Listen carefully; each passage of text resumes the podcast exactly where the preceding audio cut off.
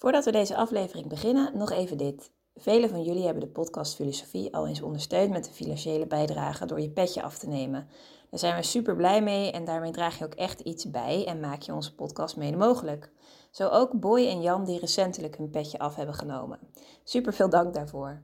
En wil jij ook als trouwe luisteraar ons een steuntje in de rug geven en ervoor zorgen dat we nog lang door kunnen gaan? Kijk dan op petjeaf.com slash podcastfilosofie. Daar vind je alle info en bijdragen kan al vanaf 3 euro per maand. En het biedt ook leuke extra's op, zoals bijvoorbeeld toegang tot onze bonusafleveringen. Maar voor nu, veel plezier met deze aflevering. De reden moet rechter zijn in alles. In zowel politieke, natuurwetenschappelijke als godsdienstige zaken. Zo drukte de 17e eeuwse filosoof Adriaan Koerbach uit dat de reden de sleutel is tot kennis, geluk en vrede. Waarom hechtte hij zo'n belang aan de reden? Waarom introduceerde hij de term ipstantie? En wat was zo radicaal aan zijn denken dat hij uiteindelijk stierf in een tuchthuis? Over deze vragen en nog veel meer gaan we het de komende drie kwartier hebben. De gast is Hanna Laurens, de denker die centraal staat, Koerbach.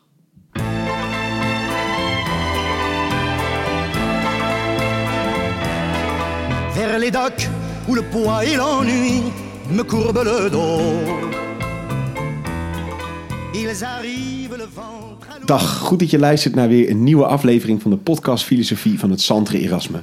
School voor Filosofie in Zuid-Frankrijk, Vlaanderen en Nederland. Mijn naam is Allard Amelink.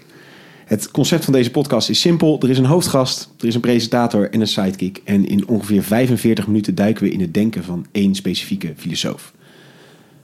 Vandaag zit naast mij Kees Vijstra. Ja. En Kees, we hebben vandaag een, eh, een eh, noviteit in onze podcast. Ja, ja, ja. We hebben eh, een, een, een winactie deze keer. Ja. Ehm, We gaan pas op het eind vertellen wat de winactie Oh, is. Oké, dat blijft nog even spannend. uitluisteren. Ja. Maar een, een bijzondere winactie die ook echt sterk te maken heeft met waar we het vandaag over gaan hebben. Want tegenover ons zit onze gast van vandaag, Hanna Laurens. Hanna studeerde filosofie aan de universiteiten van Londen en Oxford. Haar werk is onlangs onderscheiden door de British Society for the History of Philosophy. En momenteel rondt zij haar promotieonderzoek over Aristoteles af aan de Universiteit van St. Andrews in Schotland. En afgelopen week verscheen van haar hand het boek De Reden, bron van geluk voor iedereen. Inleiding tot de filosofie van Adriaan Koerbach. Goedenavond, hoi. Ja, welkom. Heel goed dat je er bent. Nou, ik denk dat het vermoeden van waar die winactie heen gaat al wel duidelijk is. Maar dat eh zeer mooi dat je hier bent. We gaan het dus niet naar over je promotieonderzoek eh, eh, naar Aristoteles hebben, maar over Adriaan Koerbach. Hij werd in 1633 geboren in Amsterdam, Nederlands filosoof dus. En hij stierf daar in 1669 in een tuchthuis. En Hanna, waarom eindigde hij zijn leven in een tuchthuis? Ja, dat is eigenlijk een heel bijzonder verhaal. Adriaan Koerbach is dus eh, maar 36 jaar geworden. Dat heeft alles te maken met zijn filosofie. Koerbach was begaan ehm, eigenlijk met de kansen van de gewone mens om ja, toegang tot kennis te hebben. En ook toegang tot onderwijs, jezelf ontwikkelen, ehm, mee te kunnen doen met de debatten van de dag. Hij eh, was opgeleid als arts en jurist.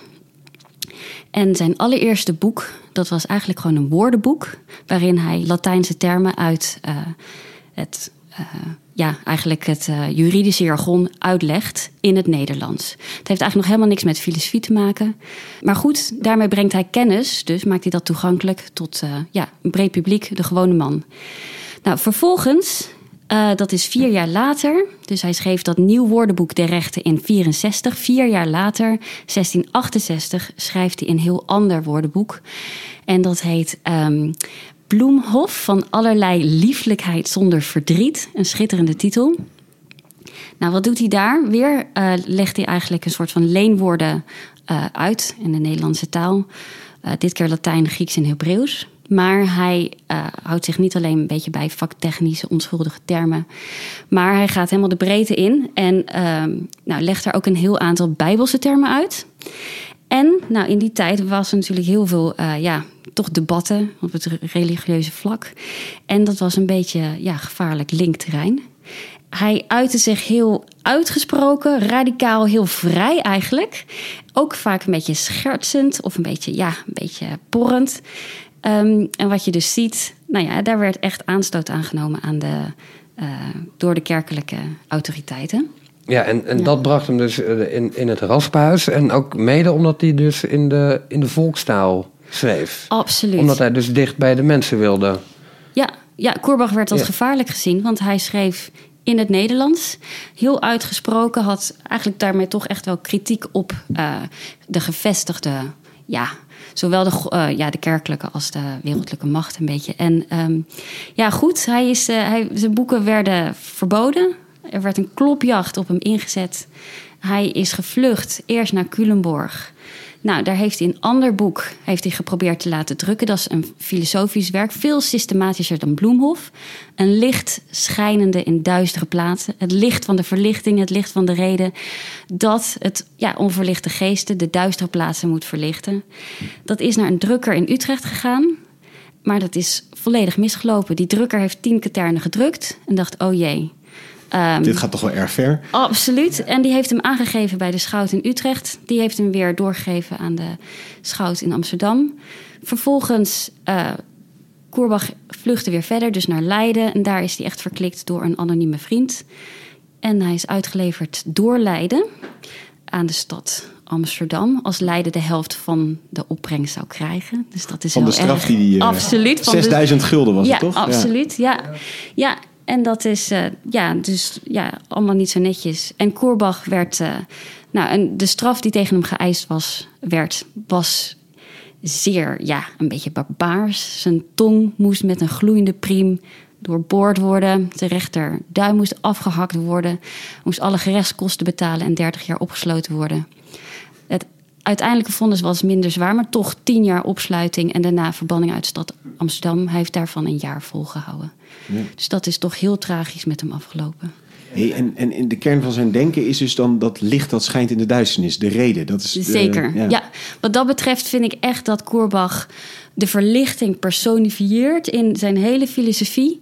Dus het licht van de reden, die age of reason, die age of enlightenment, dat zie je echt in zijn denken terug.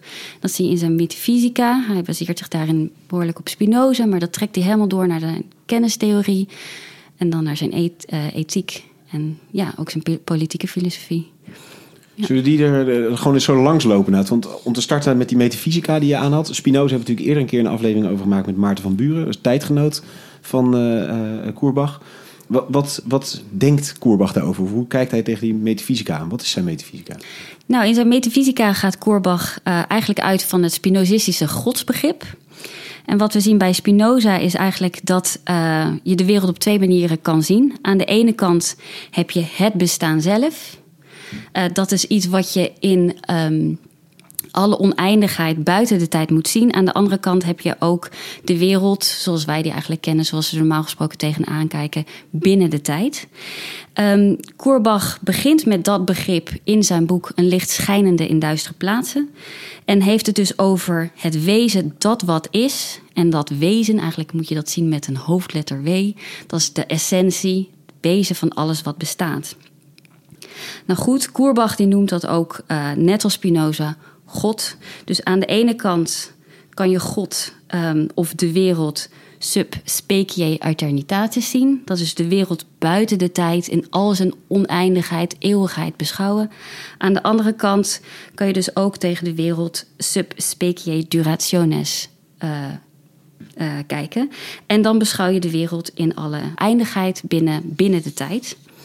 Ehm, nou, die twee manieren van de wereld bevatten, die bestaan niet naast elkaar, maar die vormen dus een geheel. Dat, dat is, Ja, dat is eigenlijk denk ik het radicale daar nog niet. Want op zich het denken in een eeuwige substantie en een tijdelijk... dat is natuurlijk niet heel baanbrekend. Maar dat, dat is dus één ding. Ja, absoluut. En dan is natuurlijk de cruciale vraag: hoe, vormt, eh, hoe vormen die twee eh, soort van werelden, of die twee manieren van bestaan, buiten de tijd, binnen de tijd, hoe vormt dat nou een geheel? En dat, ehm, zoals ik Spinoza dan eigenlijk begrijp, en ook Koerbach, is dat een soort manifestatierelatie. God manifesteert zich als eh, ja, dingen in de tijdelijke wereld via hun essentie. Dus alles wat er bestaat, mensen, dieren, planten, heeft eigenlijk een soort van goddelijke essentie. En op die manier besta je in God. Ehm, Is, is dan die, dat godsbegrip de essentie van de metafysica van Koerbach? Of moeten we daar meer... eh, eh, hebben we dan niet essentie te pakken als we nu eh, dat godsbegrip ontrafeld hebben eigenlijk? Ja, eigenlijk wel. Dus hij volgt Spinoza vrij behoorlijk.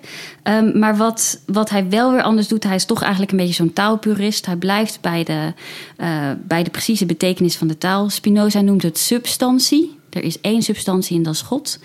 En we kunnen op allerlei manieren uh, die substantie begrijpen. Die, we kunnen die substantie via verschillende aspecten of kanten leren kennen, via materieel of immateriële aspecten of kanten. Maar, zegt Korbach, ja, um, hij is een beetje eigenwijs. Dat is, we moeten niet van een substantie spreken, maar van een ipstantie. Substantie betekent letterlijk een onderstandigheid, iets wat ergens onder ligt. En dat, ja, ik denk dat hij denkt dat betekent dat dat iets ondergeschikt is. Maar God is natuurlijk nergens aan ondergeschikt. Dat nou ja, is juist. Dat misschien ook dat er iets anders is waar je onder kan zitten. Ja, Dat- zeker. Ja, dat, Ja. Je kunt nergens onder zitten als er niks anders is. Nee, Ja. dus God kan dat zeker niet. Dus dat moet je een eh, zelfstandigheid noemen en dat is ipstantie. Dus Korbach spreekt mooi over ipstantie en niet over substantie. Ja. Ja, instantie. Hey, en, en hoe werkt hij dat uit? Je noemde als tweede de kennistheorie, dat hij daarin in doorgaat. Hoe, hoe, waar komt die reden, op welke manier komt hij daar terug? Nou, daar gaat eh Koerbach echt een beetje zijn eigen, slaat hij zijn eigen weg in. Ehm, voor Koerbach is de reden echt volledig van fundamentele waarden. En wat zien we? Ehm, de reden is de bron van alle kennis. En dan zegt hij dat is in plaats van het geloof. Dus hij stelt behoorlijk reden tegenover het geloof. En het is niet eens zo dat hij altijd dat hij dan echt op andere aannames of een andere waarheid uitkomt. Dan als je bijvoorbeeld eh, bepaalde, eh, ja, van bepaalde dingen overtuigd bent via het geloof. Maar het is vooral dat hij zegt, ja, redenen geven je zekerheid. Als je via de reden tot kennis komt, dan heb je goede gronden om iets aan te nemen. Daarmee wordt je kennis zeker. Dus waarom zou je geloven als je ook kunt weten? Ik snap wel dat je dan inderdaad in die 17e eeuw, zeg maar, eh, nou, eh, in een het terugreis ras- eindigt. Ja. Ja. precies. Als je zegt, eigenlijk gooi dat hele geloof maar eh, de prullenbak in, want het gaat om de reden. Ja, en het interessante is dus dat Koerbach dat helemaal niet deed. Koerbach was helemaal niet a-religieus. Maar wat hij deed, hij bracht de reden en het geloof samen. En dat deed hij juist op een hele vindingrijke manier via dat Spinozistische godsbegrip.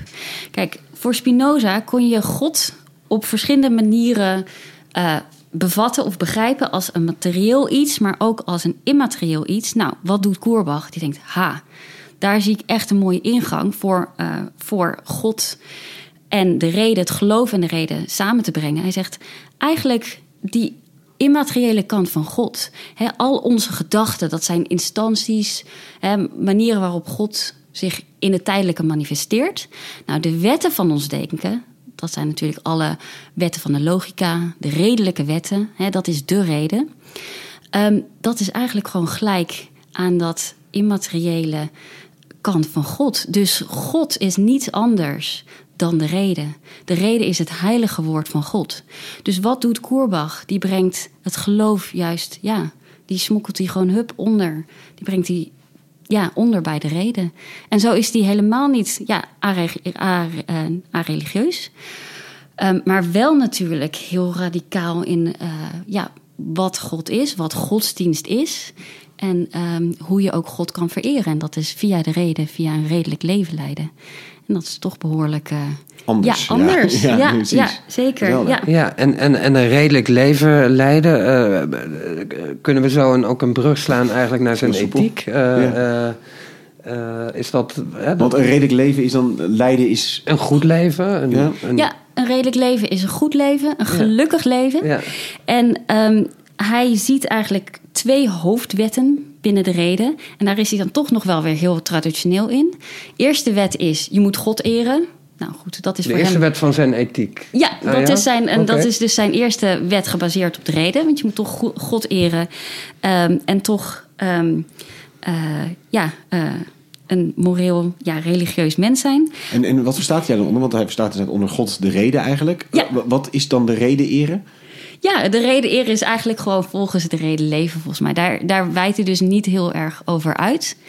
Um, maar bijvoorbeeld, hij zegt: um, een redelijke godsdienst zal nooit uh, inconsequente dingen uh, voorschotelen aan mensen. Of die zal toch dingen netjes op een rijtje zetten, goed overwegen. En je zal dus niet uh, met allerlei tegenstrijdigheden te maken krijgen. En hij zegt: daar zit op dit moment En voor hem de religie toch wel echt vol mee. Dus Ja. dat wil hij.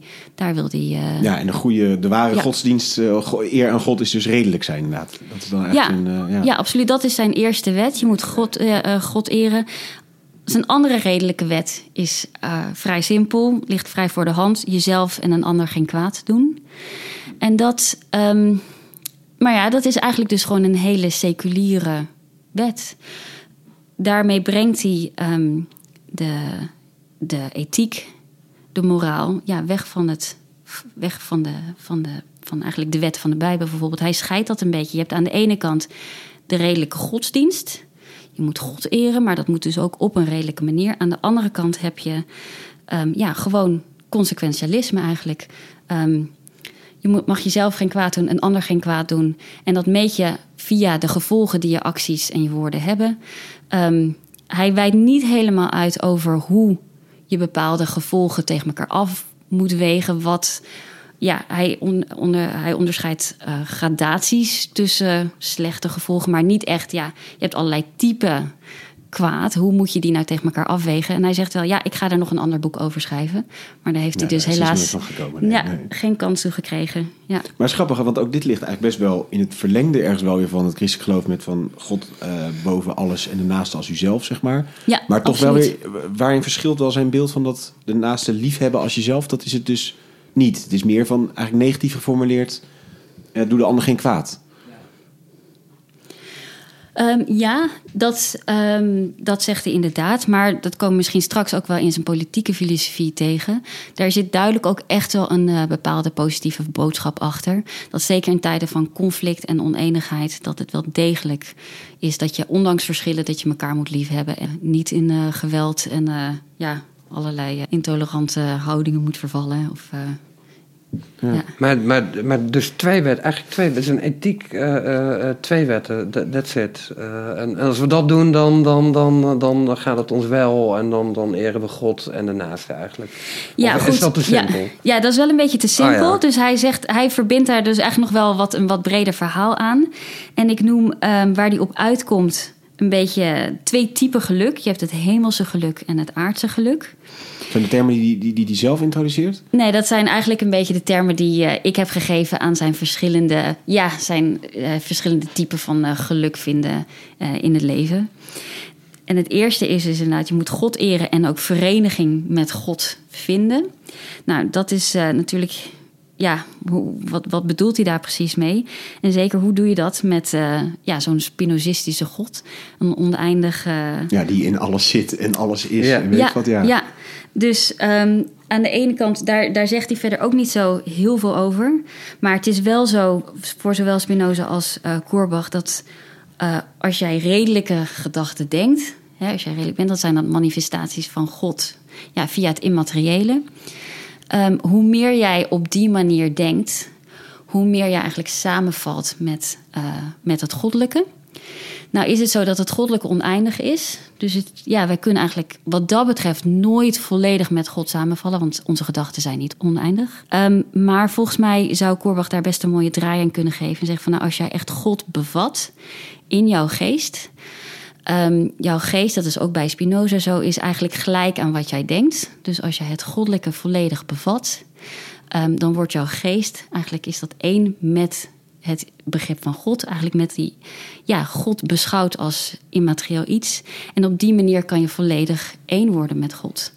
Maar je Ehm, moet wel je gedachten soort van reinigen om ze... eh, Van, van eh, eh, niet redelijkheid. Van onredelijkheid. Ja. Zou- ja, absoluut. Ja. Ja. En dat is natuurlijk best een, twee, ja, een best een moeilijk iets in Koorwag, vind ik. Want je hebt eh, alle, alle gedachten, hebben alleen goede gedachten, alleen redelijke gedachten. Hoe zit het dan met het kwaad? Eh, hoe zit het ook met zeg maar materiële dingen die niet goed zouden zijn of kwaad? En ja, hij geeft daar niet helemaal uitleg voor, maar hij zegt eigenlijk ook wel van nee, dat zijn ook instanties ja, van God, van de natuur. Maar goed, ik denk dat hij, ja, ehm, hij, hij stelt wat het immateriële betreft echt wel de reden samen. eh, stelt hij gelijk aan God. Dus ja, wat hij dan doet met kwade gedachten, dat is eigenlijk eh, ja, niet, niet heel duidelijk. Nee. Maar, maar kwade gedachten is, is, is één ding. Bijvoorbeeld gewoon echt het actieve nou, voor zover dat er is, maar een, een actief soort kwaad van ik wil iemand vermoorden. Oké, dat is misschien een probleem. Maar gewoon onredelijke gedachten. Dus bijvoorbeeld het, het klassieke eh, christelijke geloof, wat een onredelijk eh, stelsel voor hem zou zijn. Bijvoorbeeld, hoe reinig ik me als het ware dan van dat type ja, onlogische eh, eh, gedachten? Had hij daar een idee over? Of, Ehm, hoe je zelf, bedoel je hoe je zelf als mens verder kan komen daarin? Of ja, hoe- gewoon Ja. letterlijk misschien ook wel. Van hoe, hoe, hoe maak ik, hoe Wat voor ik... stappen moet je zetten eigenlijk? Ja, moet, Ja, hij zegt eigenlijk niet heel. Hij geeft geen handleiding van hoe je, Nee, hoe nee, je wat nee, dat nee, betreft nee. ehm, verder kunt komen. Maar hij zegt begin natuurlijk wel. Hij zegt er zijn behouders die ja, van tijd tot tijd eh, er zijn. Die mensen dus onderwijzen in ja, redelijk denken, in, in, in eh, het juiste godsbegrip en dergelijke. En hij ziet zichzelf wel echt als een behouder. Dus Ja, ja. lees hem, denk met hem mee. Ehm, en dat was zijn woord daarvoor, behouder? ja. Oké. ja, Want absoluut. van de, redelen, van de reden dan of zoiets? Behouder van, van de mens eigenlijk. Hè? Je wordt behouden van eh, onwetendheid. Of hoe Ja, zeg je zo. dat? Je, je wordt. eh, ehm, ja, Jezus was ook een behouder. En hij ziet, ja, Jezus was ook gewoon een hele goede leraar. Ehm, Interessant. Ja. Hij, je noemt dat hemelsgeluk. He- Dan eh, veronderstel ik dat er ook een aardsgeluk is? Of wat, eh, ja, en dan kom je dus bij, dat, eh, bij die dat, andere dat, hemelsgeluk was het ja. één worden met God, zeg maar. In die, Absoluut. ja, waar we net een beetje over hadden. Ja, Ja. precies. Via de behouders inderdaad. Ja, ja, ja. Aan de andere kant heb je dus eigenlijk formuleert je een behoorlijk gewoon seculiere ethiek. Je mag jezelf, jezelf en een ander geen kwaad doen. Ehm, nou ja, zoals ik al zei, dat, is, dat, dat nuanceert hij niet heel erg. Maar zijn doel is vooral om ehm, ja, wat hij noemt Piet Luttige wetten van de kerk een beetje tegen te gaan. Je mag, het is zondig om eh, naar een toneelstuk te gaan voor je vermaak. Dat mag niet. En zegt, ja, ik doe toch niemand kwaad ermee. Hup, dat, eh, dat is toch allemaal niet slecht. Dus met die kant probeert hij gewoon ja, toch meer vrijheden te creëren voor de mensen. Van, nou, als iets niet kwaad doet, als iets niet gewoon onredelijk is, dan mag dat. eh, dan moeten we wel die vrijheid, vrijheden hebben. Nee, en terug naar die vraag die Kees net eigenlijk gesteld had van eh, slechte gedachten of weet ik wat. Zijn dat dan, hoe kwalificeert hij dan? Is dat wel, nou, wordt daar het woord slecht aangegeven of kwaad? Of is dat gewoon onredelijk en daarmee verkeerd? Of hoe? Nee, hij zegt eigenlijk met. ehm, ja, hij, wat goed of kwaad is, meet je aan gevolgen van iets. Ja, en dan denk ik dat hij het vooral heeft over of ja, iemand echt benadeeld is. Hij geeft daar niet verder hele duidelijke eh, kwantificering of eh, maatstaven voor. Ehm, maar hij zegt bijvoorbeeld als je kwaad over iemand denkt, als jij het voor je houdt, dan doe je daar niemand kwaad mee. Als je gewoon dat niet uit. Eh, dat is alleen maar slecht voor jezelf, want dan wordt je geest helemaal donker en weet ik veel wat. Nou, Dus dat, is al goed. een heel soort van, in, in, een soort van clash met, met de klassieke christelijke ethiek, waar het juist wel om intenties draait. Hè? Dus als je, Ja, als u uw Eh, buurman al dood wenst, dan, hebt dan u hem heb je reeds vermoord. eh, Ja. ja, ja, ja. Dus dat, dat de intenties, eh, en dat, dat, dat, daar neemt hij dus ook... Daar heb je eigenlijk alleen jezelf mee, zegt hij. Ja, Precies. Ja, zegt dus hij, daar heb hij- je behoorlijk jezelf mee. Maar hij zegt, Ja. ja, hij zegt dat... eh, ja, al, al denk je... Weet ik, ja, hij zegt dat van... Al denk je hele leven slecht of iemand... Als jij dat niet uit, dan eh, heeft iemand daar geen last van. Dus ja, wat dat betreft houdt hij het bij eh, woorden en daden. Hey, en dan hebben we die politieke component, denk ik, of niet? Ja, want wat Koerbach zegt... Je hebt de reden nodig voor je persoonlijk geluk... voor je hemelse eenwording met God... en voor harmonie met je medemens. Maar je hebt het ook nodig in de publieke sfeer. Dus ook voor een goede staatsinrichting heb je eh, de reden nodig. Ehm, hij zegt: zonder reden is er geen kennis, zonder kennis geen bekwaamheid, zonder bekwaamheid geen recht om te regeren.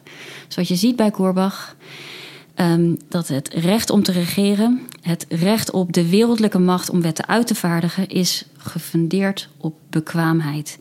En die bekwaamheid bestaat dus uit kennis verkregen door de reden. En dit is ja, een belangrijke eis of voorwaarde die hij stelt.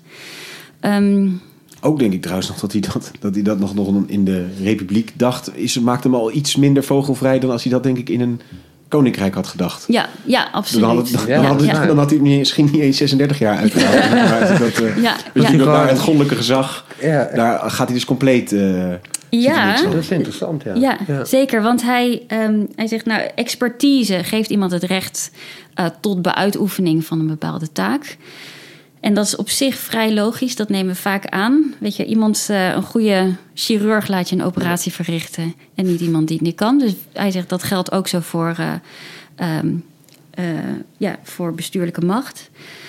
Daarnaast is verkiezing trouwens ook belangrijk. Dus hij zegt, ja, je moet een regering moet verkozen zijn, maar ook bekwaam. Dus alleen verkiezing is voor hem niet voldoende. Dan heb je nog, ja, verkozen, maar onbekwaam, heb je niet het recht om te regeren.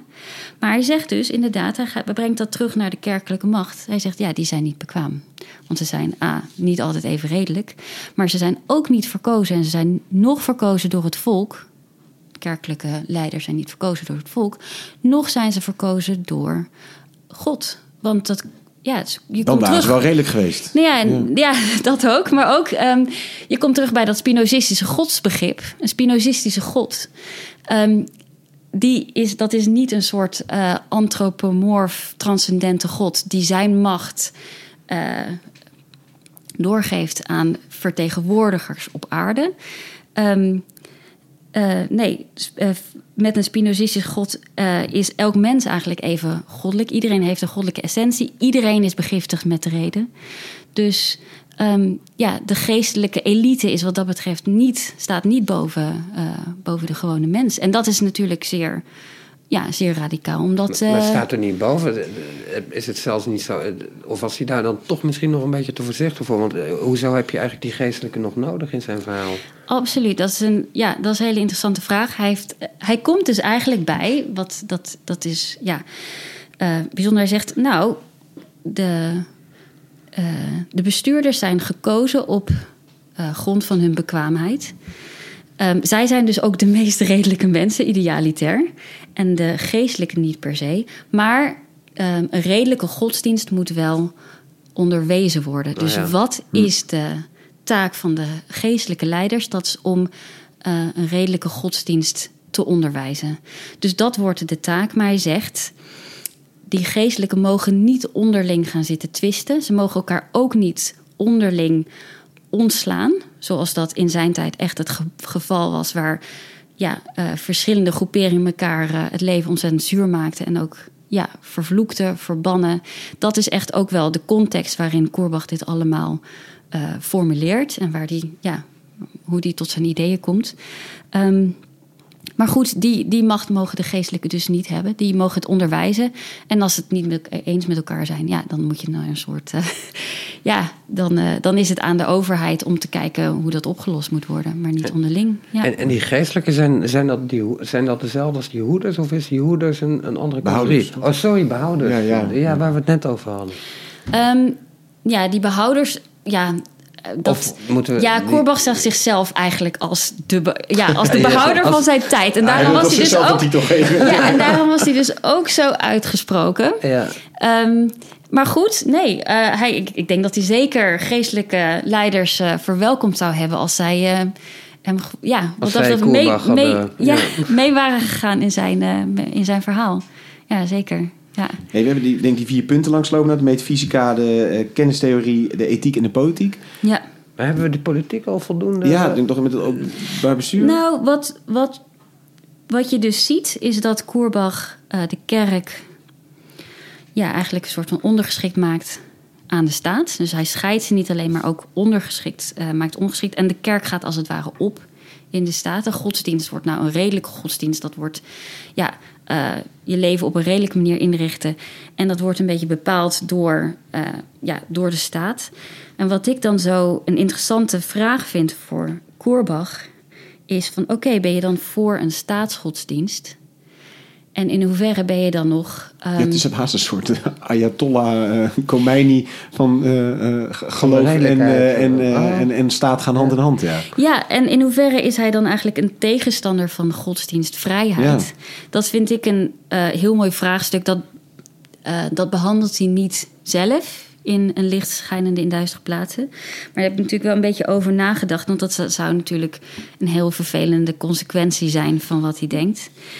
Nou is het zo dat Korbach zegt er nou, eigenlijk zijn, uh, zijn alle wetten eeuwige wetten, maar door beter begrip kunnen wij uh, God beter begrijpen. We kunnen de redelijkheid beter begrijpen. En zo kan onze godsdienst ook telkens verder geperfectioneerd worden. Dus de godsdienst die hij voorstelt, die zegt, hij zegt daarvan eigenlijk, nou kom gewoon met met argumenten. Kom met een debat. Kom met een andere mening. En als je het dan niet eens bent, dan kunnen we gewoon dingen aanpassen. En dan uh, wordt op die manier de redelijke godsdienst eigenlijk steeds beter, steeds sterker, steeds overtuigender. Um, maar daarnaast zegt hij: kijk, een andere wet was: doe jezelf en de naaste geen kwaad. Dat betekent dus um, dat je nooit met geweld of op wat voor manier dan ook mensen tot jouw uh, visie moet willen overtuigen. En hij zegt: de redelijkheid is vanzelf overtuigend, daar heb je nooit geweld voor nodig. Dus um, ja, en het is eigenlijk inherent aan zijn redelijke ja, staatsgodsdienst eigenlijk dat het ook tolerant is naar andere zienswijzen. Maar het liefst gaat hij het debat aan, dat zeker, ja. En, uh, we hebben dat net, ik noemde ze alle vier even net goed deze toevoeging, denk dat het niet godsdienstvrijheid. Wat um, ergens is, denk ik een beetje met dit project van, het klinkt heel optimistisch en het is echt een soort, soort uh, nou, echt de, de, basis van de verlichting. Een beetje maar het, het middelbare schoolboekje verlichtingsdenken. Van ja, als we gewoon allemaal gewoon gaan nadenken, dan komen we er vanzelf. Ergens klinkt het ook een beetje naïef of zo. Als je hiervoor denkt, joh, dat, schreef die gast 400 jaar geleden, 350 jaar geleden. Daar is niet... Hebben we nou echt die treden omhoog gelopen? Zijn we dan richting meer eenheid gegaan? En zijn we het allemaal wat meer eens geworden? Is dit ergens een soort reliek uit een tijd van dat men nog dacht van... joh, daar gaan we echt komen? Of... of ja, ik denk dat je. Of hebben we het meer dan ooit nodig? Is dat eigenlijk? Ja, misschien ook. Oh, maar ja. weet ah, niet, maar ja. hoe moeten we dit duiden, zeg maar zo? Ik zou zeggen, je moet Korbach wel echt in zijn tijd begrijpen.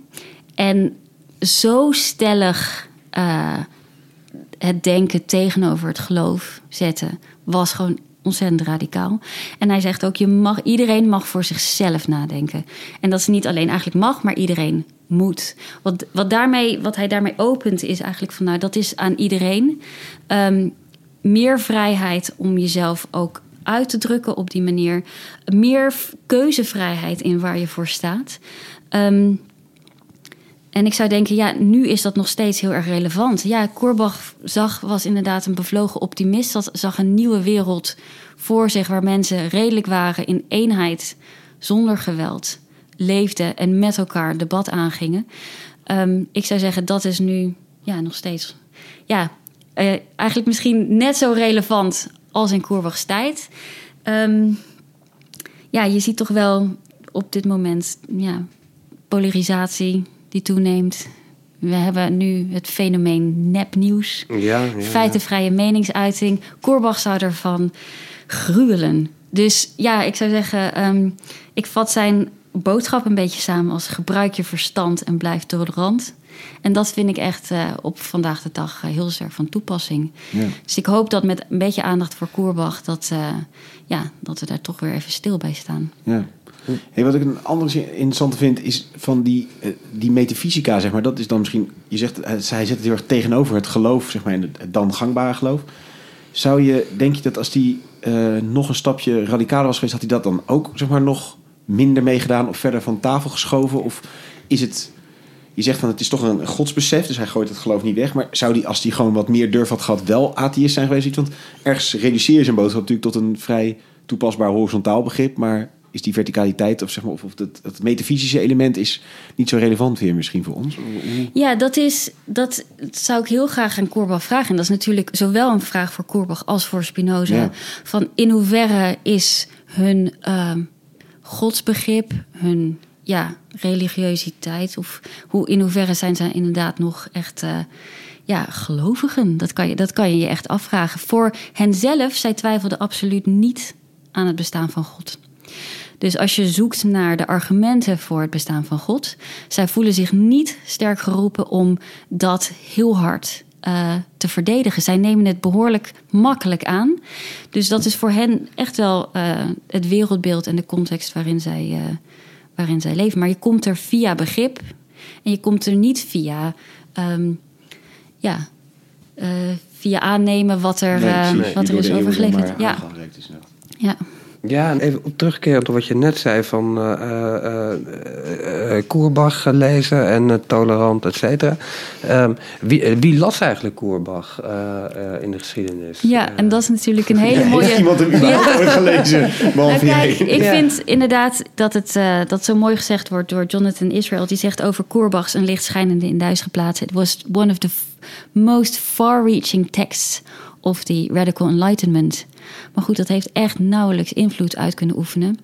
Er zijn op dit moment twee half afgedrukte exemplaren van een licht schijnende in duistere plaatsen. En dat is inderdaad uh, zijn schitterend om te zien. Je ziet aan de, als je het zo openslaat in het midden, heb je aan de linkerkant het gedrukte helft. En aan de rechterkant gaat het over in het handschrift.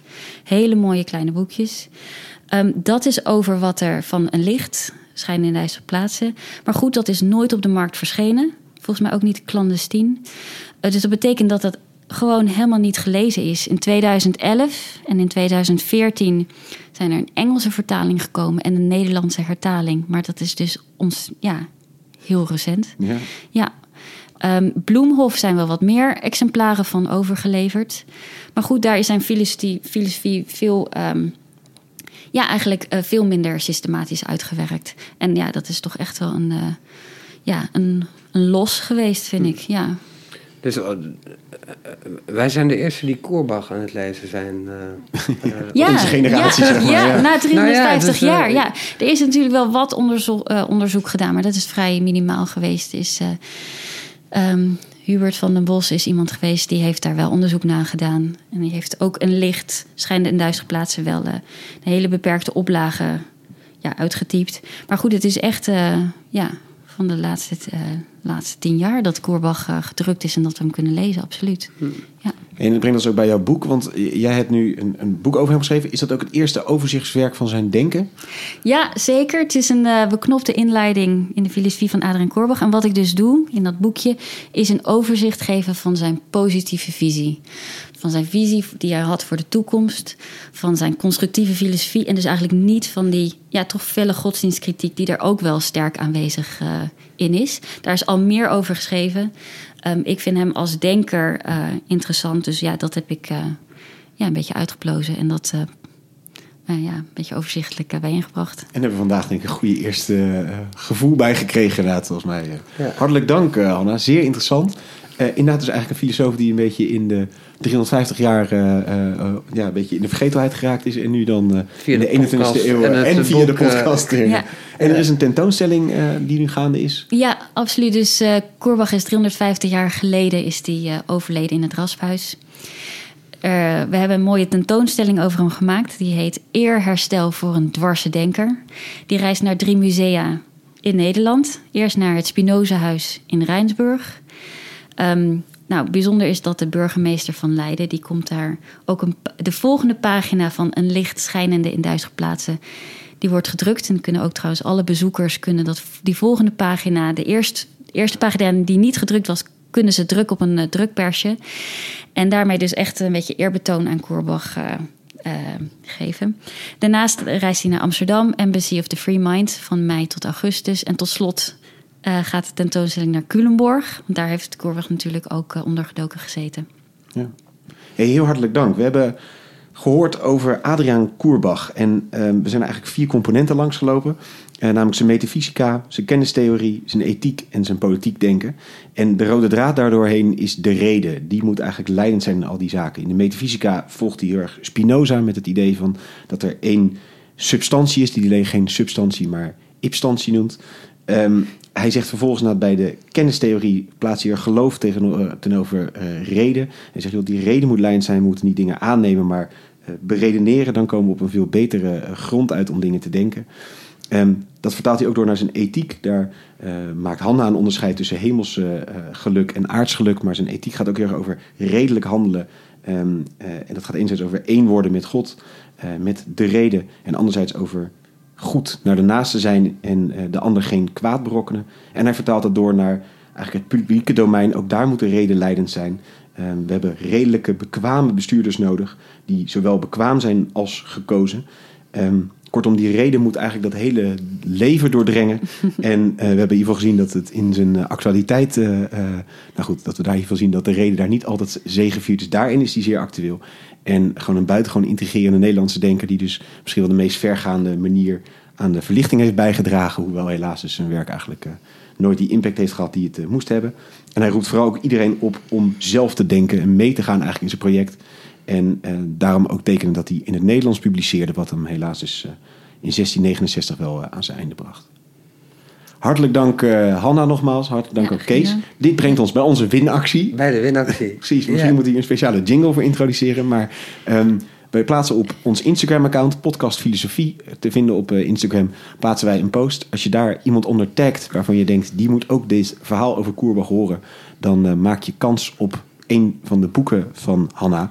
Ehm, de inleiding in Koerbach. Dus tag iemand. We verloten eh, drie boeken onder de mensen die daar eh, een vriend of een andere filosoof, ge- eh, filosofisch geïnteresseerd persoon eh onder tagt onder dat bericht. En Dus, alleen op Instagram, niet op Facebook of... op Facebook ook. Op Op Facebook, Facebook en ook. Instagram. Heel goed, Kees, dat je dat, dat even, even scherp erbij pakt. Hey. Facebook en Instagram. En er zijn drie boeken te verloten. Ehm, nogmaals, hartelijk dank Hanna, hartelijk dank Kees. Jij hartelijk dank voor het, het luisteren. Wij gaan eh, verder met deze podcast. Wij hebben een heel mooie trip gepland staan naar eh, België... waar we een reeks eh podcasts gaan opnemen. Dus er komt nog heel veel meer moois aan. Dank voor het luisteren. Weet je wel en, welke of is dat nog een... dat houden we nog even nou ja, voor ons. Dat, eh, oké. dat wordt langzaamaan onthuld. Ja. Eh, vergeet ons ook niet eh, te volgen op eh, je favoriete podcast-app en een positieve beoordeling te geven als je ons waardeert. Hartelijk dank voor het luisteren en tot de volgende keer.